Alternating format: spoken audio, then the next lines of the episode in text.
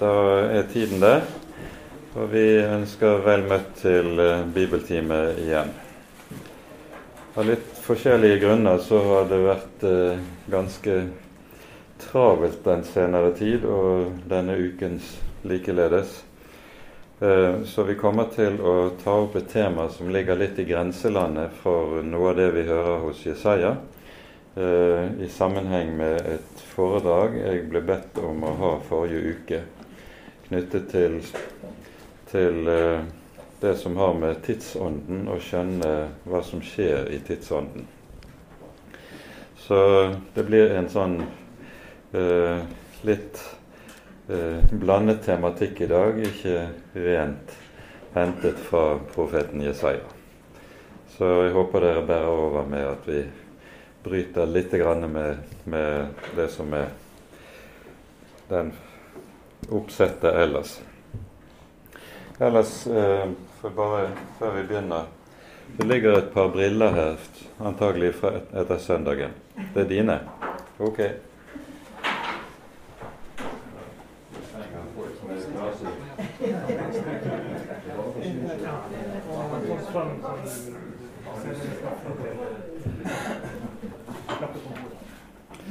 Vel, eh, før vi begynner, så tenker jeg vi kan synge fra nummer 269. Gud la din ånd ved guddomsordet. 269. Jeg vet ikke om du kan eh, finne tonen, Bjarte?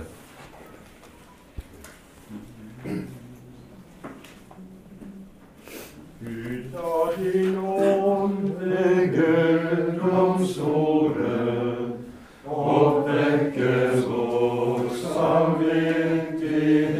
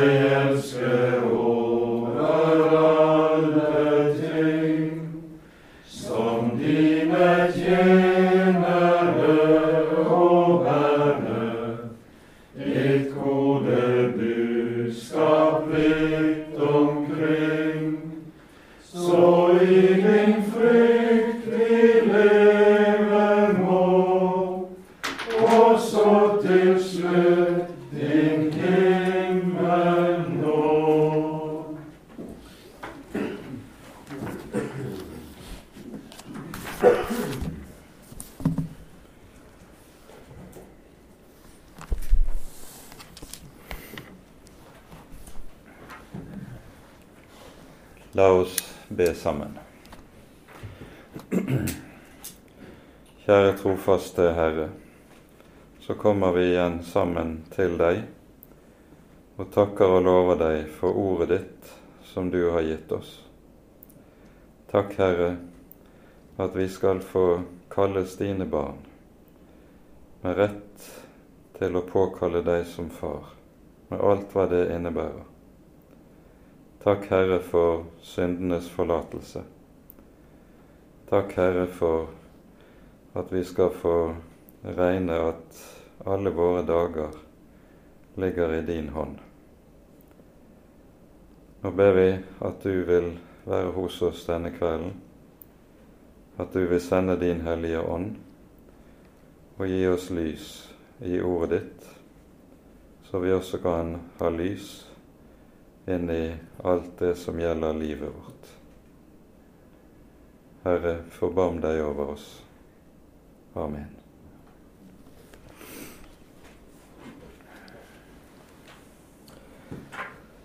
Når vi kommer til det 60. kapittelet hos profeten Jesaja, så hører vi innledningsvis noe som vi møter sterke gjenklanger av igjen i Det nye testamentet. Kapittelet innledes slik.: Stå opp, bli lys, for ditt lys kommer, og Herrens herlighet går opp over deg. Se, mørket dekker jorden, og det er belgmørke over folkene. Men over deg skal Herren oppgå, og over deg skal Hans herlighet åpenbare seg. Folkeslag skal vandre til ditt lys, og konger til den glans som er gått opp over deg. Nå er det slik at uh, Enkelte kommentatorer de kaller hele dette 60. kapittel hos Jesaja for misjonskapittelet hos Jesaja. Og Det er jo et kapittel som handler nettopp om å ha som hovedtema dette at når Herrens lys kommer, er dette noe som ikke er begrenset kun til Israel og til Herrens folk, men det er noe som skal gis til folkeslagene i allmennhet. Det taler om den universalisme som vi har pekt på ved flere anledninger hos profeten Jesaja. Han ser utover Når han ser inn i fremtiden og inn til Messias komme, så ser han også hvordan Messias komme skal bli en velsignelse for all jorden, for alle folkeslag.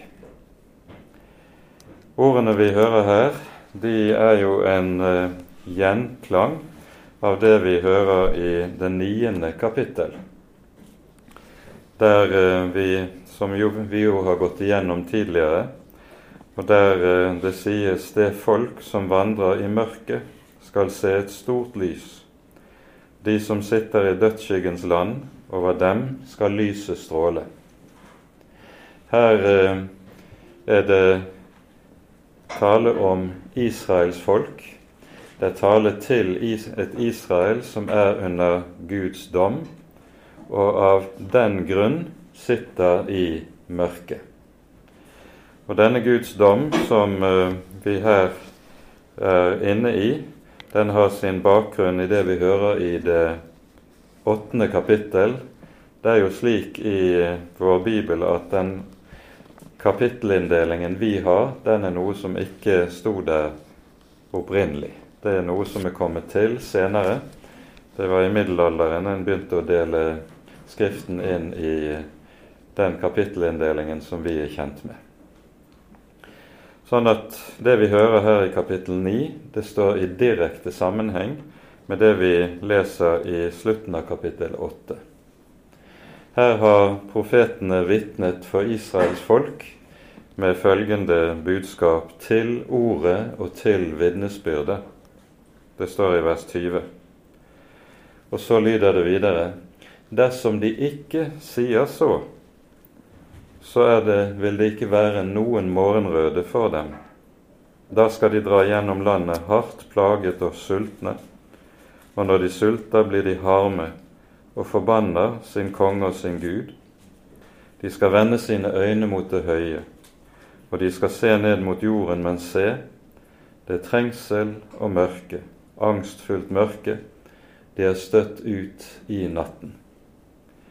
Dette tales altså til Israels folk, og dette er situasjonen i Israels folk når vår Herre Jesus tre inn i historien. Og det er tank, det er altså inn i dette budskapet lyder i vers 2, det i kapittel 9. Det er folk som vandrer i mørket, skal se et stort lys. Og hva dette lyset er, det sies så uttrykkelig i vers 6 i det samme kapittel. Et barn er oss født, en sønn er oss gitt. Herredømmet er på hans skulder, og han skal få navnet Under, Rådgiver, Veldig Gud, Evig Far og Freds Fyrste. Med dette så møter vi noe som også innenfor jødedommen er eh, et av de sentrale navnene på den kommende Messias. Han er lyset. Um, innenfor jødedommen er det slik, der finner du ulike steder i, deres, uh, i de rabbinske skriftene noen, et, en plass kan det sies at Messias skal ha syv navn. Et annet sted sies det han skal ha ti. Et tredje sies det han skal ha 30 navn. Og så listes disse ulike Messias navn opp. I eh, det vi leste i Isaiah 9, så hørte vi jo flere av disse under rådgiver osv. Eh, poenget med alle disse navn er at navnene altså sier noe grunnleggende, noe vesentlig om hvem Messias er, og hva hans kall, hans gjerning, hans oppgave også skal være. Han får altså Et av navnene hans er Lyset. Når han gis dette navnet blant rabbinerne, så skjer det ikke først og fremst på bakgrunn av Jesaja 60 eller Jesaja 9 men på bakgrunn av et ord i, hos profeten Daniel i det annet kapittel. Her er det vi hører om eh, kong Nebukadnesas drøm, som han ønsker at hans vismenn skal tyde. De kan ikke det, og eh, da blir eh, Nebukadnesa så harm at han sender sine soldater av gårde for å ta alle vismennene av dage. Og Når de så søker opp Daniel og hans venner, og de spør hva er årsaken til denne befaling, så ber Daniel om å få en frist der de skal be til Herren om at han skal gi dem tydningen. Og eh, så skjer, og så er det vi hører Daniels takkebønn til Herren fra vers 20 til 23 i Daniel kapittel 2. Daniel tok til orde og sa, lovet være Guds navn, fra evighet og til evighet. For visdommen og styrken hører ham til. Han omskifter tider og stunder, han avsetter konger og innsetter konger. Han gir de vise visdom og forstandige forstand. Han åpenbarer det dype og skjulte, for han vet hva som er i mørket, og hos ham bor lyset.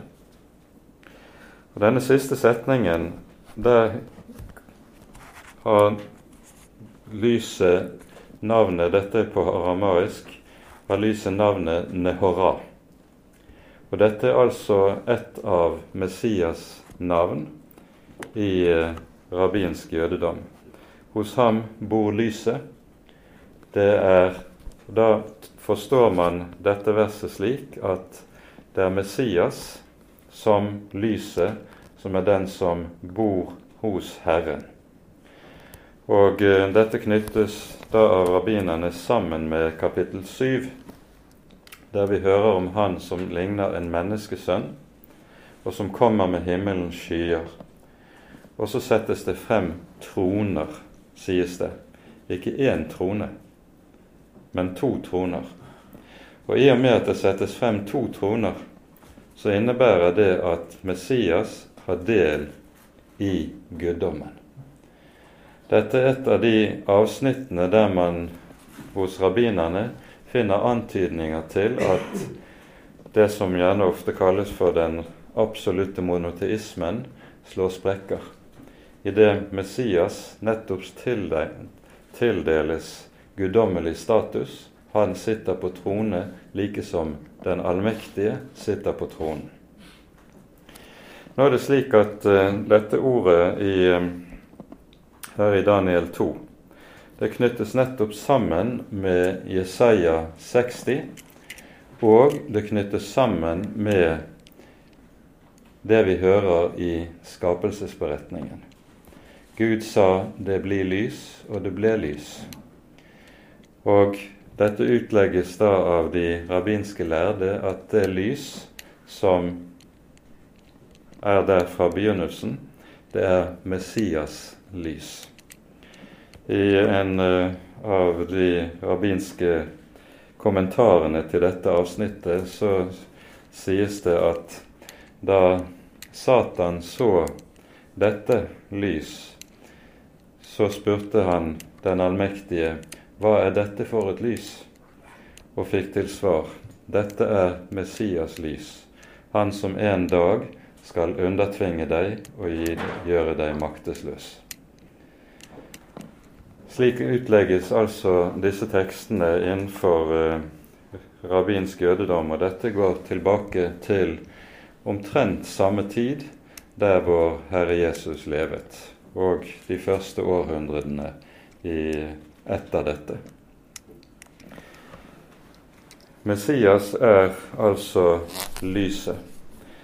Og når vi først er kommet inn i dette, så er det vi jo minnes de to andre tekster hos Jesaja som vi allerede har vært igjennom, nemlig Jesajas 42 og Jesaja 49. Det her i, dette er de to første såkalte tjenersangene hos Jesaja, der vi hører om Herrens tjener, han som er den lidende Herrens tjener. Um, og her er det også at det sies meget tydelig, først i kapittel 42, hvor vi leser innledningsvis Herren sier, Se min tjener som jeg støtter, min utvalgte, som min sjel har velbehag i. Jeg legger min ånd på ham, og han skal føre rett ut til hedningefolkene. Så fortsetter teksten i vers 6 med å si, Jeg, Herren, har kalt deg i rettferd, tatt deg ved hånden, jeg vil verne deg og gjøre deg til en pakt for folket, til et lys for hedningene. Igjen kommer denne lysmetaforen opp, og det samme skjer altså i kapittel 49, som også er tale eh, der det taler om den kommende Messias. Og vi leser i vers 6 når etter at det er talt om hvorledes han utmattes og gjøres til intet, så sier Herren til ham, det er for lite at du er min tjener til å gjenreise Jakobs stammer og føre den frelste rest av Israel tilbake. Så vil jeg da gjøre deg til et lys for hedningefolkene, for at min frelse må nå til jordens ender. Slik er det altså at denne metaforen går igjen, ganske særlig hos profeten Jesaja. Men når vi først har oppdaget den, så vil vi se at vi møter dette igjen både i Salmenes bok og i en rekke andre sammenhenger, uten at vi har tid til å gå inn på det nå. Men det er altså dette vår Herre Jesus knytter an imot i Det nye testamentet når han sier om seg selv i Johannes 8.: Jeg er verdens lys. Den som følger meg, skal ikke vandre i mørket, men ha livsens lys. Vi har kanskje vært inne på det tidligere, men disse ordene blir altså talt under løvhyttefesten i Jerusalem. Og på den siste, den store dagen i løvhyttehøytiden, da var det en særegen høytid i tempelet i Jerusalem. Når kvelden kom, ble det tent fakler. Faklene var meget store. De sto på høye pidestaller som var eh, åtte-ti meter høye. Og faklene var så store at det sies at hele Jerusalem ble opplyst av skinnet fra tempelet. Og så er dette da knyttet til disse løftene hos profeten Jesaja. Stå opp, bli lys, for se, ditt lys kommer. Og så er det antagelig nettopp i denne sammenhengen at Jesus står frem i tempelet og sier 'Jeg er verdens lys'. Og det altså er slik at det som denne eh, seremonien i tempelet, den er et forbilde på som peker frem imot Hans komme, som det her er tale om.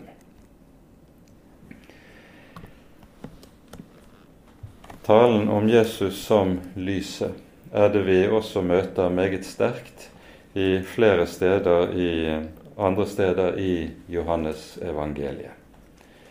I ham var liv, og livet var menneskenes lys, står det i innledningen til evangeliet. Og lyset skinner i mørket, men mørket tok ikke imot det. Og eh, vi møter bildet igjen i en rekke sammenhenger også i Paulus sine brev.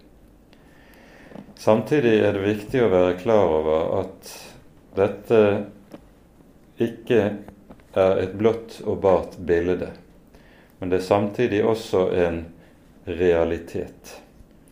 Talen om lyset er, i Det gamle testamentet knyttet til talen om Herrens herlighet. Herren er i sin herlighet et slikt lys som uh, det sies i, av Paulus i uh, første Timotius brev, sjette kapittel. Gud bor i et lys dit intet menneske kan komme eller nå. Og det det her er tale om, er Guds herlighet. Det er den herlighet som er av en slik art at det er umulig for et syndig menneske å se og møte den hellige Gud direkte. Det er derfor det sies til Moses når han er på fjellet på Sinai og ber for folket, og så ber Moses om å få se Herrens herlighet. Vi hører om dette i 2. Mosebok kapittel 33. La meg da få se din herlighet ber Moses, og Herren svarer ham, Intet menneske kan se mitt ansikt og leve. Herrens herlighet er så veldig, dette lys er så sterkt et lys, at det er umulig for et syndig menneske å møte Gud direkte her i verden, her i tiden. Jeg av og til, når jeg har hatt undervisning for konfirmantene, da brukt dette bildet av hva skjer med øynene når om du sommersdag prøver å stirre inn i solen når den står på det høyeste. Kikker du et lite øyeblikk, blendes du. Men prøver du å stirre inn i solen, så vil øynene ødelegges. De vil ikke tåle det. Og langt mer da gjelder dette om Han som har skapt alle soler, alle universets milliarder på milliarder soler og galakser. Han er et slikt lys som i renhet og hellighet intet syndig menneske kan se direkte. Og det er dette lys som Bibelen taler om når den taler om Herrens herlighet. Denne Guds herlighet åpenbares for Israels folk når folket drar ut av Egypt. Der står det at Herren gikk foran folket i en skystøtte om dagen og en ildstøtte om natten. Og når Salomos tempel innvies, så er det at Herrens herlighet stiger ned og fyller helligdommen. Og så står det at mens så lenge skyen skjulte helligdommen, kunne prestene ikke bli ved å gjøre sin tjeneste. For hvem kan bli stående når Han lar seg se? Dette er Herrens velde, dette er Herrens herlighet, dette er Hans hellighet. Innenfor jødedommen har denne Herrens herlighet som åpenbarer seg et eget navn. Den kalles for Herrens shekina. Det kommer av et verb som betyr å bo. Det er Herrens bolig. Og det er dette eh, Johannes knytter an til i innledningen til Johannesevangeliet, når det står og ordet tok bolig iblant oss. Og Der bruker eh, Johannes et verb på gresk som er direkte knyttet til og et ordspill på denne hebraiske termen shekina, eh, som altså handler Og Johannes vil dermed si at det ord som blir kjøtt og blod i Jesu Kristi person i inkarnasjonen, det er Herrens egen herlighet. Jesus Kristus er Herrens herlighet og åpenbaringen av Herrens herlighet. Og Nettopp dette poenget er det som understrekes med stor, stor styrke i Johannesevangeliet, der det gjentatte ganger er tale om hvorledes Guds herlighet, eller Gud herliggjør Herren Jesus.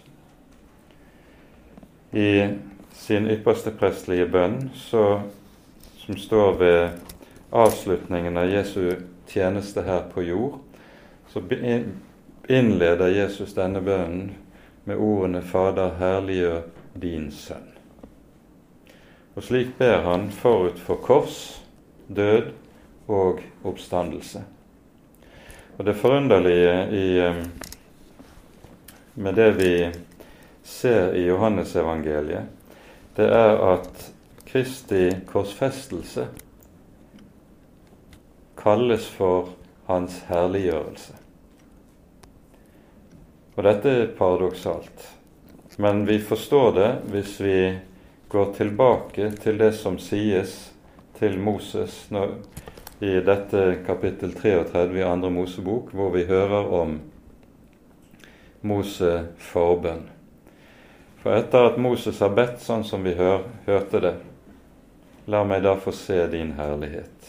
Og få dette svaret, du kan ikke se mitt ansikt. Så sier Herren til meg, still deg her ved klippen, så vil jeg gå forbi deg, der på klippen, og jeg vil holde min hånd over deg når jeg går forbi, og når jeg er gått forbi, da vil jeg ta min hånd bort, og du kan se meg bakfra. På korset ser du like som Herrens herlighet bakfra. På korset åpenbares Herrens herlighet, men det ser ut som det stikk motsatte. Det ser ut som vanære, ikke ære. Det ser ut som nederlag, ikke seier. Det ser ut som den forferdeligste tap der Jesus henger og tortureres i hjel. Og så er dette likevel, slik Det nye testamentet taler om det, der åpenbares Herrens herlighet. Det er å se Herren bakfra når vi ser Kristus på korset. Da ser vi Hans herlighet men under bildet av den aller dypeste fornedrelse og elendighet. Det er dette Paulus også knytter an imot i første Korinterbrev, når han taler om hvorledes korset er en dårskap for grekerne og et anstøt for jødene. Og så sier han men Guds svakhet, som altså vi ser på korset, den er sterkere enn menneskene. Og Guds visdom, eller Guds dårskap, den er sterkere, den er visere enn menneskene.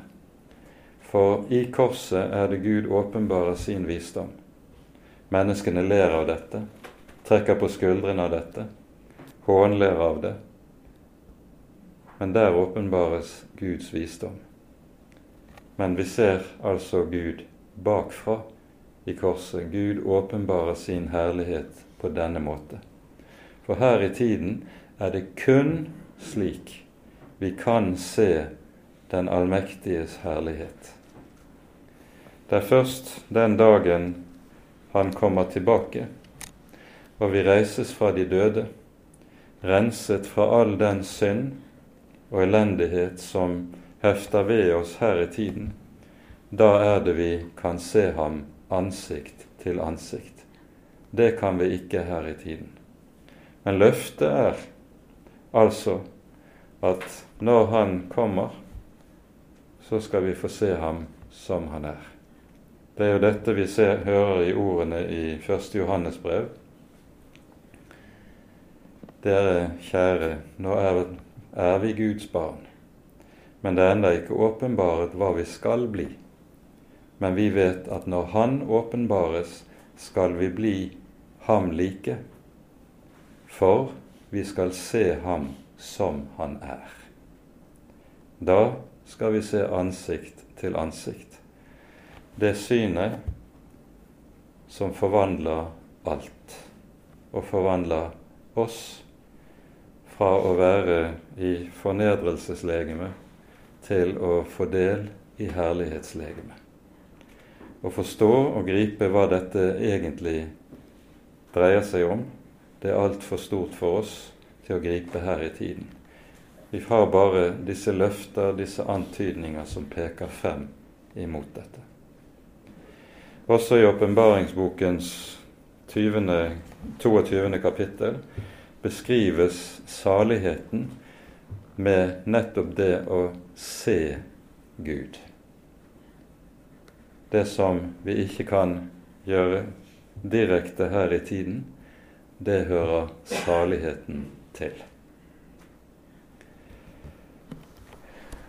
Nå har vi allerede vært inne på noe av dette som er det grunnleggende i den kristne tro. Kristen tro, det er en tro som er kjennetegnet av at i Herren Jesus eier vi et lys som overstråler alt annet, like som solen overstråler alt annet. Derfor kalles han også i, hos profeten Malakia rettferdighetens sol som går opp. Han er vår sol, han er vårt lys. Og eh, det underlige med solen er jo ikke bare at den skaper lys, men solen har det med seg at den, der den går opp, så ser du også alt annet. Når mørket er der, så ser du intet. Men når solen går opp, så er det ikke bare solen du ser, men du ser alt annet òg. Og det er nettopp det som kjennetegner det å høre Jesus til. Det er et lys i ham og med ham som du kaster lys over alt annet i virkeligheten, slik at virkeligheten blir en annen i lys av hvem han er. Og Dette er bakgrunnen for, den grunnleggende bakgrunnen for at en kristen tenker annerledes enn et uomvendt menneske. For han vil alltid tenke i lys av hva vi eier, i kraft av Han som er verdens lys, i lys av Kristi person. Alt annet kommer i dette lys. Derfor tenker en kristen annerledes enn andre mennesker, vurderer annerledes enn andre mennesker. Og som vi tenker, så lever vi. Hvilket altså innebærer også at en kristen med nødvendighet lever annerledes, lever motstrøms i forhold til den verden og den tid som vi faktisk befinner oss i. Og Med dette så går vi inn i noe av dette som jeg ble bedt om å si noe om i en annen sammenheng i forrige uke. For da handler det om en hvorledes vi skal se på og bedømme den tid vi lever i, og den sammenheng som vi lever i. Og Da er det avgjørende å være oppmerksom på at vi kan ikke forstå vår egen tid rett hvis vi ikke vet hva det er som skjer i og med det som kalles for opplysningstiden. Hva det er denne tid gjør med Europa. Selve navnet opplysningstiden det er jo et, en betegnelse som opplysningstidens menn eh, brukte som selvbetegnelse. Og denne selvbetegnelsen eh, var meget bevisst anvendt, slik at man tenkte som så at det var de som representerte lyset. Nå begynte for alvor lyset å skinne i Europas historie, mens den tid som lå bak, det var mørke. Den var preget av overtro og annen elendighet. Og eh, ganske særlig hos de mer eh, radikale opplysningsfilosofene var det den kristne tro som ble betegnet som mørke. Det er en begivenhet under den franske revolusjon som på en måte samler alt dette i en veldig eh, i et nøtteskall. Eh, I november måned i 1793, fire år etter at den franske revolusjonen brøt ut, så holdes det en gudstjeneste i Notre-Dame-kirken i Paris.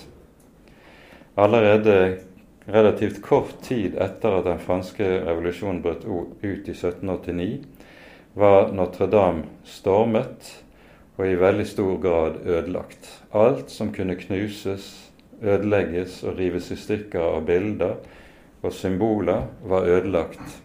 Og kirken var lagt ut for salg. var en byggmester som kunne bruke steinen for andre formål. Men kirken sto nå der fortsatt. Og i 1793 hadde Robespierre sammen med noen andre av revolusjonens lederskikkelser funnet ut at de ville samle Paris' befolkning til gudstjeneste for den nye tids religion. Her i denne gudstjenesten var det en skuespillerinne som illuderte den nye tids gudinne. Og den nye tids gudinne var fornuften. En leste også fra det som var Den hellige skrift, et i henhold til denne tankegang. Og det som ble regnet for den nye tids hellige skrift, var menneskerettighetserklæringen. Det som er karakteristisk for dette, det er at i opplysningstiden skjer det et radikalt ombytte av det som har vært de bærende elementer i Europas kristne kultur. I Europas kristne kultur var troen på Gud det sentrale orienteringspunktet. For det andre var troen på Bibelen det som var den grunnleggende kilde til kunnskap og visdom. Og for det tredje var Kirken som fellesskap det grunnleggende fellesskap i samfunnet. Med opplysningen så byttes dette ut. Troen på Gud byttes ut med troen på mennesket. Troen på Bibelen byttes ut med troen på fornuften.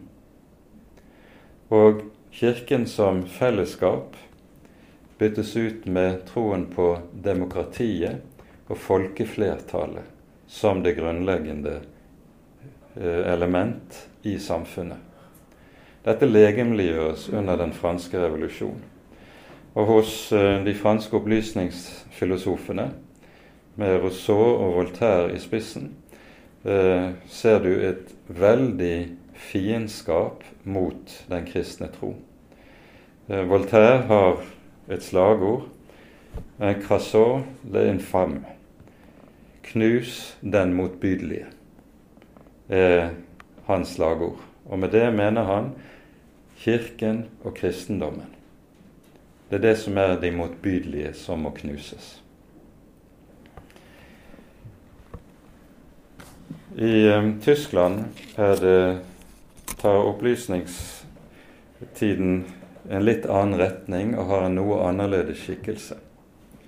Her er det slik at det er eh, Immanuel Kant som er så å si den som samler hele opplysningstenkningen i eh, og gir uttrykk for denne. Og Immanuel Kant blir kanskje den viktigste premissleverandøren for det som kommer til å skje de neste 200 årene i Europas åndsliv. Alle som har lest forberedende, vil huske hvordan Kant skiller mellom det vi kaller for ding an sich og ding für mich. Med denne, dette skillet mener han at intet menneske kan reelt erkjenne tingene slik de er i seg selv. Her har vi et par briller.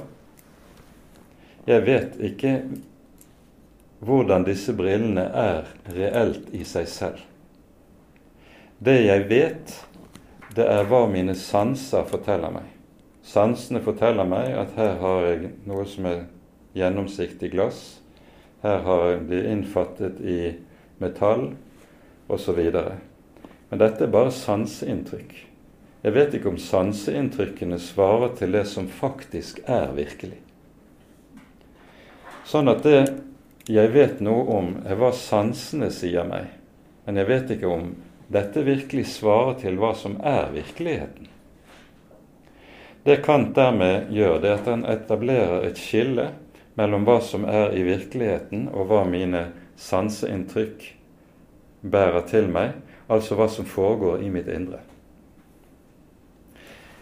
Hvis du anvender dette på troens liv, så innebærer dette at jeg, du og jeg, er ute av stand til å kjenne og erkjenne Gud an sich, slik Gud er i seg selv.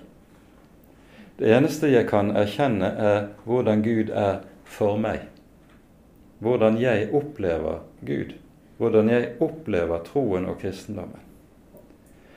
Og dette kommer gradvis til å sige ned og gjennomtrenge hele Europas åndsliv, der man etter hvert får en subjektivisme som har som fortegn det er det som er sant for meg, som er sant. Det er altså det subjektive som blir det rådende. Kants tenkning adopteres av datidens fremste teolog, som heter Schleiermacher. Og han omformer hele den kristne teologien i Kants bilde, og hevder at det som er det vesentlige i den kristne religion, det er das Gefühl, følelsen. Altså hva som foregår i mitt hjerte subjektivt. Det er følelsen av avhengighet som er det viktigste. Og så blir Bibelen for han ganske uviktig.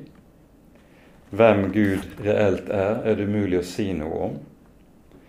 Schleiermacher kan spissformulere seg slik at han sier ikke den er en kristen som har en bibel, men den som selv kan skrive en bibel. Dette satt på spissen. Men innenfor det Schleiermacher sin egen formulering, men innenfor det vi kaller for liberal teologi, så regnes altså Schleiermacher for en reformator fullt på høyde med Martin Luther. Og det er han som har det store ordet innen hele det vi kaller liberalteologien. Luther har ingenting å si. Det varer så ikke lenge før nettopp denne subjektive tenkning, at det er Gud, følelsen av Gud inni meg, følelsen av et eller annet gudsforhold inni meg, tas helt ut. Og rundt 1850 dukker den tyske filosofen Feuerbach opp, som ganske enkelt hevder Gud finnes ikke. Gud er bare navnet på noe mennesket har laget seg, en følelse mennesket har laget seg inni seg selv fordi det har behov for trygghet. Det er ikke Gud som har skapt mennesket i sitt bilde, det er mennesket som har skapt Gud i sitt bilde. Og Derfor er alle religioner bare uttrykk for hva mennesker ønsker seg. Slik tenker Feuerbach. Og Feuerbach kommer til å bli den som er, leverer de avgjørende premissene til to herrer som kommer til å ha meget, meget stor betydning i Europas historie, nemlig Marx og Engels. Religion er opium for folket, blir devisen i hele denne bevegelse som springer ut av dette, med det voldsomme fiendskapet mot kristen tro som man finner innenfor kommunismen og store deler av sosialismen. Det er disse som er premissleverandører for dette. Men dette kalles altså for opplysning.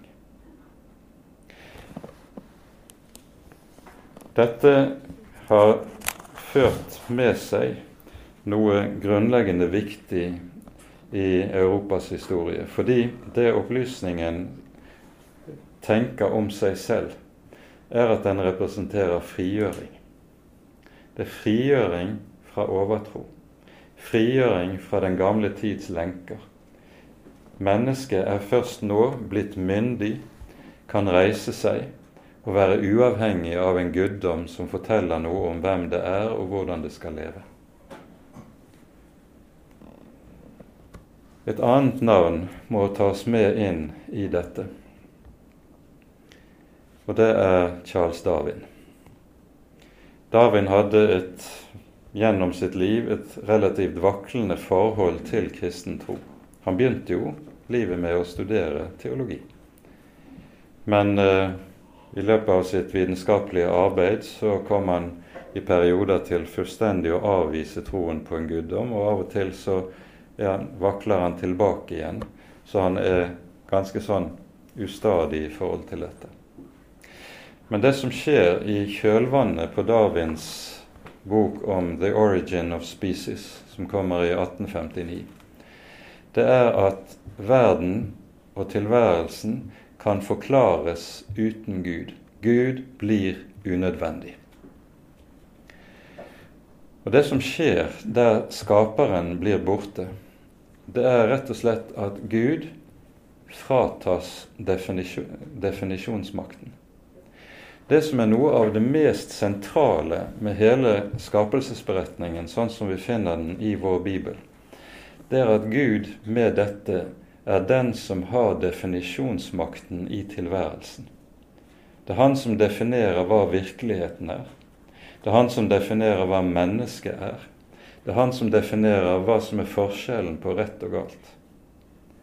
Når Gud detroniseres, der er ingen skaper mer, så har mennesket overtatt definisjonsmakten i tilværelsen. Og dette er noe av den viktigste frukt av Darwins at Darwins tankegang er blitt inkorporert som en grunnleggende side ved det moderne vestlige menneskets tenkesett. Mennesket har selv definisjonsmakten i tilværelsen. Og Dette ses på som en grunnleggende side ved menneskets frihet. Jeg har lyst til å lese et sitat fra en herre som heter Andrew Carnegie han eh, var en eh, amerikansk industrimagnat som levde for en rundt eh, 100 år tilbake og var en av de viktigste i oppbyggingen av amerikansk stålindustri. Ble en søkkrik mann på sitt eh, industrielle eventyr. Han leste ved en anledning Darwin sin 'Origin of Species' og skriver i eh, sin selvbiografi om hvordan han opplevde dette. Han sier jeg husker at lys strømmet inn som en flod, og alt ble klart. Ikke alene var jeg blitt fridd fra teologien og det overnaturlige, men jeg hadde funnet sannheten i evolusjonen. Alt er godt ettersom alt blir bedre. Det ble mitt motto og min sanne kilde til trøtt trøst. Mennesket er ikke skapt, men det har bare reist deg fra det lave til det høye, til høyere livsformer. Og det er ingen ende på menneskets bevegelse mot fullkommenheten. Dets ansikt er vendt mot lyset. Det står i solen og ser oppad. Slik er det Carnegie, Carnegie beskriver frigjøringen fra troen på en skaper. Og Dette er en grunnleggende side ved det som skjer i Europa. For dette frigjøringsprosjektet, som vi kan kalle hele den moderne tids eh, tenkning for, den bærer med seg alt det som vi ser i vår hverdag omkring oss, og som har redefinert alt som vi overhodet kjenner innenfor tenkning. Noe av det aller viktigste i det som skjer, er frem opp, fremveksten av det vi kaller for antinomismen i kulturen. Hele den vestlige kultur er i dag en kultur som er antinomistisk. Det betyr at i den ligger det et veldig fiendskap mot Guds hellige lov. Og denne det ytrer seg ikke bare i motvilje mot enkelte av Guds bud, men det har langt dypere eh, implikasjoner.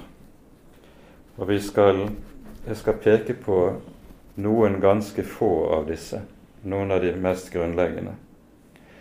For det første bærer antinomismen i seg et veldig opprør mot autoritet. Ingen skal fortelle meg hvordan jeg skal leve.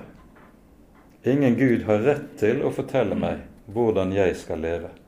Det er noe jeg vil bestemme selv. Utsagn som allment sier noe om hva som er rett og galt, anses som et overgrep.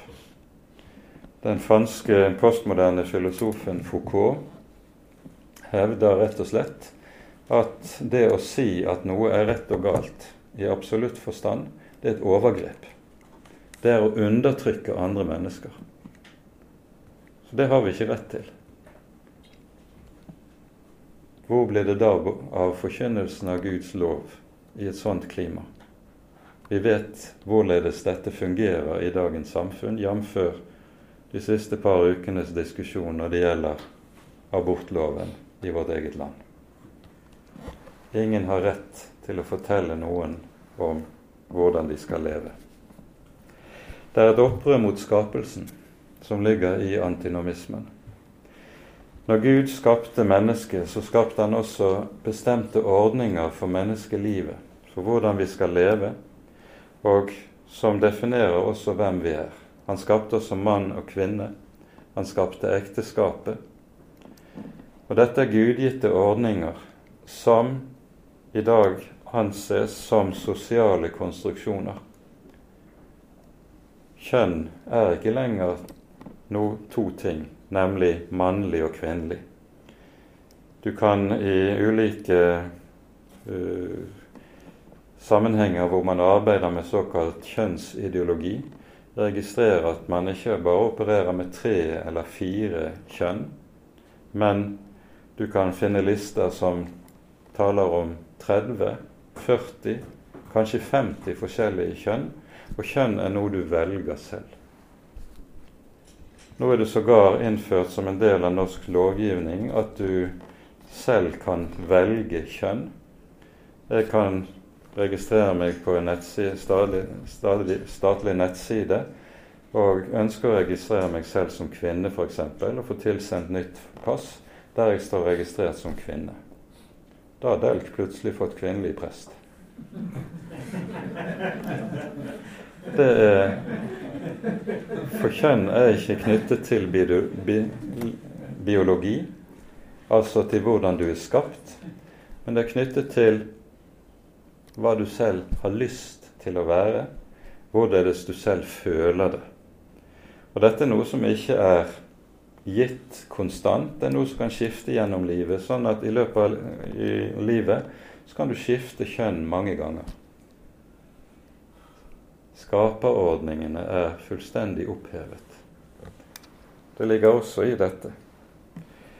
Under antinomismen ligger det også det et veldig opprør mot at vi skal stå til ansvar. Tror vi at det er en skaper, at Gud er vår skaper, da tror vi også at det er en for hvem jeg en dag skal tre frem og måtte svare regnskap for livet. Han som ga meg livet, skal en dag kreve meg til regnskap for det. Det er utålelig i hele denne tenkning.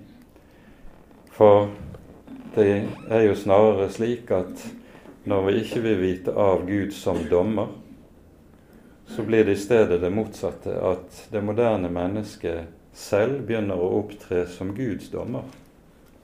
Og det er jo slik vi hører mennesker kan håndtere forholdet til Gud og det som har med det religiøse å gjøre.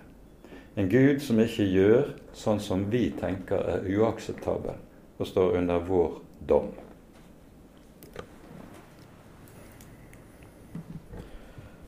Sånn kan vi fortsette. Men poenget med hele antinomismen er at den fungerer som ut ifra dette at mennesket er sin egen herre. Det er troen på mennesket og på meg selv som styrer alt. Og det er jeg selv som bestemmer hva som er rett og galt. Kants 'for meg' gjelder også på moralens område, og på alle områder som du kan tale om hva som er sant og galt. Og der dette 'for meg' lyder, der er sannhet ikke lenger et ord som skal skrives med stor bokstav. Men sannhet er blitt et flertallsord. Det eksisterer ingen sannhet. Det er bare mange sannheter en for deg og en annen for deg. En tredje for meg. Eller sannheten kan oppfattes som et verb. Den er ikke noe som er gitt, men noe som stadig forandrer seg, utvikler seg med tiden. Mens det som jo er fundamentalt i den kristne tro, og som understrekes i, Jakobs, i Judas brev i innledningen til dette brevet, dere skal kjempe for den tro som en gang for alle er overgitt til de hellige. Det er noe som nærmest er utenkelig i det åndsklima som vi her taler om. Dere forstår at jeg med det vi har gjort i denne timen, holder sammen to ting. På den ene side det som Den hellige Skrift har gitt oss, som er et stort lys. I vår Herre Jesus Kristus er lyset gitt. Det lyset som frir oss fra djevelens mørke. Det lyset som frir fra dødens mørke. Det lyset som frir fra villfarelse. Og det lyset som i ordets rette og egentlige forstand er fri gjørende. Jeg fris fra de fiender som er menneskets egentlige fiender, fordi Jesus er den han er. Og så er vi kommet i en tid som mener om seg selv at den er opplysningens tidsalder, men som nytestamentlig bedømt altså er det rakt motsatte. Jeg setter nok en del ting litt på spissen i det vi har gjort i denne timen, men eh, det er ofte nyttig fordi da ser, kommer ting i et litt klarere perspektiv. Når Det nye testamentet taler om en kristen, kristens tilværelse her i verden, så taler Det nye testamentet om Og vi går til Efeserbrevet og peker på hvorledes Paulus taler om tilværelsen.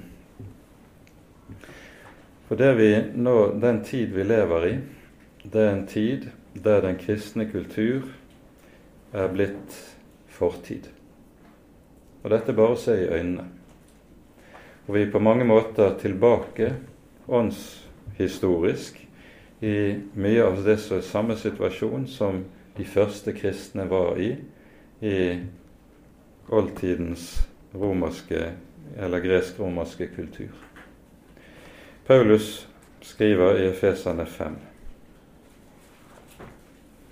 Vi leser fra vers 8. Dere selv var en gang mørke, men nå er dere lys i Herren. Vandre som lysets barn. For lysets frukt består i all godhet og rettferdighet og sannhet. Prøv da hva som er til velbehag for Herren, og ta ikke del i mørkets ufruktbare gjerninger, men refs dem heller. En kristen tenker annerledes enn en ikke-kristen, har vi pekt på.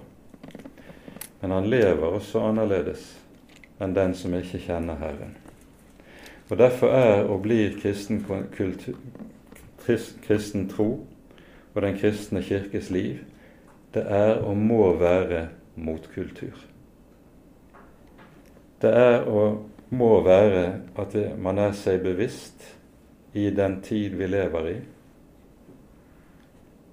at det handler om å gå mot strømmen. Den som ikke er seg dette bevisst, han vil veldig fort kunne komme til motsatt å rives med strømmen, med alt hva det innebærer.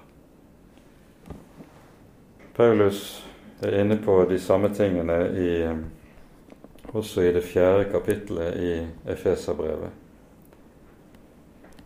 Her sier han fra vers 17.: Dette sier jeg da og vitner i Herren.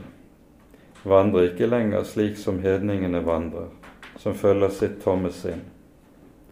Deres forstand er formørket. De er fremmed for livet i Gud ved den uvitenhet som er i dem fordi de har forherdet sine hjerter.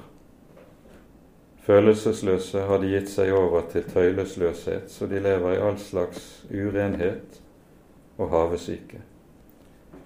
Men dere har ikke lært Kristus slik å kjenne. Her hører vi hvordan Paulus beskriver den troende menighet nettopp som motkultur i forhold til det som gjelder i det samfunnet som de da levet i. Dette kom til å bli i Oldkirken til å bli en av de viktigste anledningene til evangelisering og til den kristne kirkes vekst. Du finner ikke hos kirkefedrene formaninger til at nå må dere ut og evangelisere. Nå må dere ta dere sammen og huske på at hvis dere ikke er ute og evangeliserer, så går det galt med naboene deres. Nei, I stedet var det sånn folk så at de kristne var annerledes. Og så spurte de hvorfor lever du sånn? Hvorfor ikke du sånn som oss? Og så ble det anledning til å avgi vitnesbyrd for troen. Det kostet ofte, og det kunne koste ganske mye. Men vi er på vei inn i en tid hvor det også vil fortsatt komme til å koste, og kanskje koste mer og mer, å avlegge dette vitnesbyrd. Med dette setter vi punktum for i kveld. Og vi vender tilbake til ordene fra profeten Jesaja. For det å høre Herren til, det er å vite det som vi har lest i Jesaja 60, og være frimodige på det. Stå opp, bli lys, for ditt lys kommer, og Herrens herlighet går opp over deg. Det er det vi har fått lov til å se noe av når vi lærte vår Herre Jesus å kjenne. Da begynte lyset å skinne inn i mørket. I mørket i våre hjerter, i mørket i våre liv. Og det er et lys som er så dyrebart at det kan vi ikke miste. Ære være Faderen og Sønnen og Den hellige ånd, som var og er og være skal, en sann Gud, høylovet i evighet. Amen.